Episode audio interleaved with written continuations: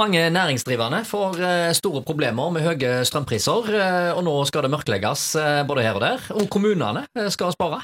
Ja, altså nå har jo kommun mange kommuner gått ut og sagt at de skal senke innetemperaturen i alle lokaler, unntatt på aldershjem. Og eh, de stenger av eh, unødvendig gatelys. Og hvis du nå går gjennom sentrumsgatene i Haugesund, så vil du se at veldig mange av butikkene har begynt å bare stenge av lyset. Det er mørke butikkvinduer. For å, å rett og slett uh, spare, spare strøm. Det, er jo, altså, jeg, Vi har jo snakket om dette en del ganger før, og en, næringslivet generelt burde jo etter min mening fått en maksimalpris, om ikke 50 øre, det er kanskje lavt, men i alle fall kanskje ei krone hadde de klart å leve med. Men altså når du snakker om tre-fire kroner, så er det mange som sliter, eh, rett og slett. Så eh, det er alvorlig, og jeg tror at mange butikker rett og slett vil stenge av og åpne igjen når eh, mm. det blir mer normale tider igjen. I, i, den, grad ja, det, altså, de, i den, grad de, vil klare å åpne igjen. Altså Hvis du har en million i ekstrakostnader i forbindelse med strøm, Eh, og du aldri har hatt et overskudd eh, som kom i nærheten av det, så betyr jo det at hvis du holder butikken åpen, så må du drive med underskudd. Ja. Og da er det som du sier, det, det, det, er kanskje bedre å bare stenge ned. Ja. En, eh, nå skal jo ikke de stenge ned, de biter tennene sammen og holder ut, men jeg snakket med en liten familiebedrift som Naturbakst. Mm. De, altså i, hvis du går ett år tilbake i tid, så hadde de en strømregning, normal strømregning som lå på en ca. 25 000 i, i, uh, i måneden uh, da i august. så går du fram til august i år, så hadde de 105 000, i, det, altså firedobling. Og i tillegg så hadde de jo en av ovnene deres går jo da på gass, og gassprisen har steget da. Så de, når du da kjøper bøller og brød der, så er dette subsidiert av faktisk Naturbakst. De driver nå med underskudd. Altså, og det, det, er faktisk mange bakerier som eh, Må de ikke heve prisene, da? De har hevet prisene litt, men det er, det, det, det er grenser for hvor mye. Du kan ikke betale 200 kroner for et smørbrød, liksom? Nei, så det, er faktisk grenser for uh, hvor mye de kan uh, Altså, folk er villige til å uh, betale for det, da. Så, men det, og det naturbakst er jo bare én av mange som da mm. sliter og har store underskudd. Jeg snakket òg med en av de store dagligvarebutikkene i i sentrum. Eh, da, så, og de har allerede for lenge siden innført altså alle deres eh, fryseanlegg. er da, det, de, de er, det er helt topp kvalitet på det, eh, skal kunne spare strøm.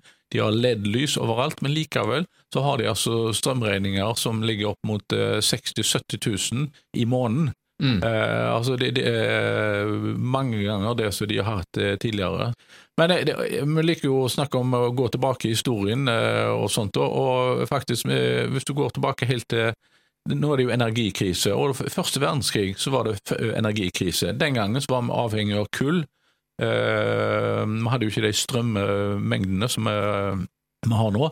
Men da var, det, da var vi avhengig av å få tilførsel av kull over fra England. og Eh, vi hadde i, eh, Den gangen så var det faktisk 15 bakerier i, eh, i Haugesund.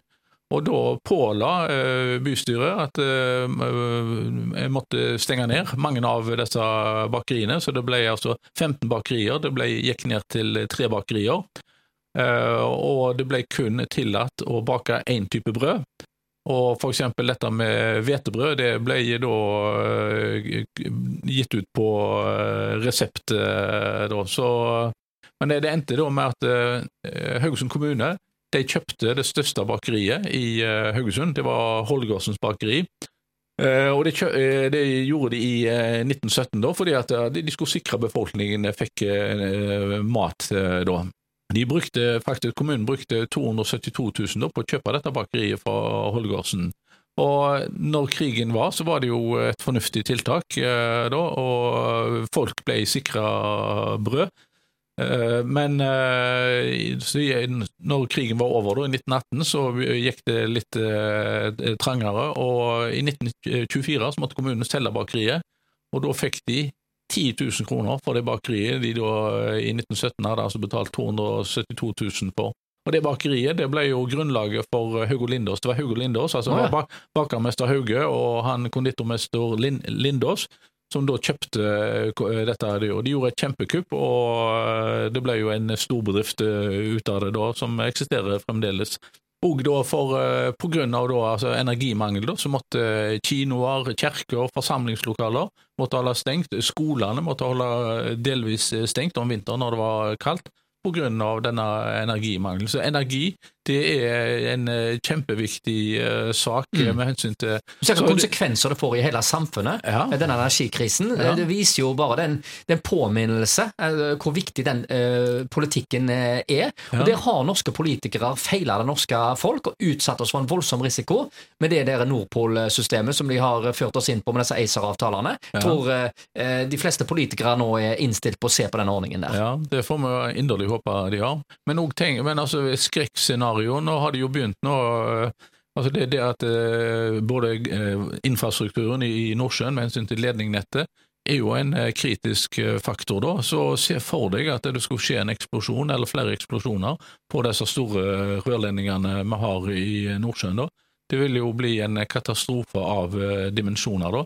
Så det er en, For å skape kaos i samfunnet, så trenger du ikke akkurat som ta og bombe en storby. da. Du kan bombe et ledningnett, og du setter stor del av eh, Europas energisituasjon ut av spill. Ja, Du har spill, jo telenett og fiberkabler og sånne ting som eh, går over havstrekninger rundt om et òg. Begynner du å ødelegge ja. noen av dem òg, så er det mye som slutter å virke. og ja. Kan du ikke lenger ringe og bruke internett på den måten du er vant med, så er det mye som slutter å fungere i samfunnet. Men bare, bare helt avslutningsvis fortelle dette, hvor viktig dette med energi er. I, da, I 1917 så var det jo da det var kritisk mangel på kull, og det mm. i hele Norge, men òg altså i Haugesund. Vi var avhengig av det for å varme opp alt fra bakerovner til generelt. Eh, da. Og kommunen tok da også leide inn et skip eh, da, for å få eh, kull til byen. Da. Men bare når ratene, Før krigen så kosta det 4,60 kroner øre å frakte ett tonn kull fra England til Haugesund. Når Haugesund kommune da leide inn, eller det var ikke kommunens feil, men altså ratene var så høye, da var ratene gått fra 4,60 kroner til 280 kroner per tonn. Oi. Det kosta helt vanvittig eh, å få eh, kull, altså energi, inn til eh, byen. da. Og dette holdt seg eh, faktisk eh, nesten helt til eh, krigen slutta da i 1918. Eh, Så det å energiprisene de eh, eksploderer når det er urolige tider. Det har det gjort tidligere, og det ser vi òg nå at det gjør. da. Så mm. vi får jo bare håpe at at infrastrukturen at nå passer på den, og at det ikke blir utsatt for noen form for sabotasje.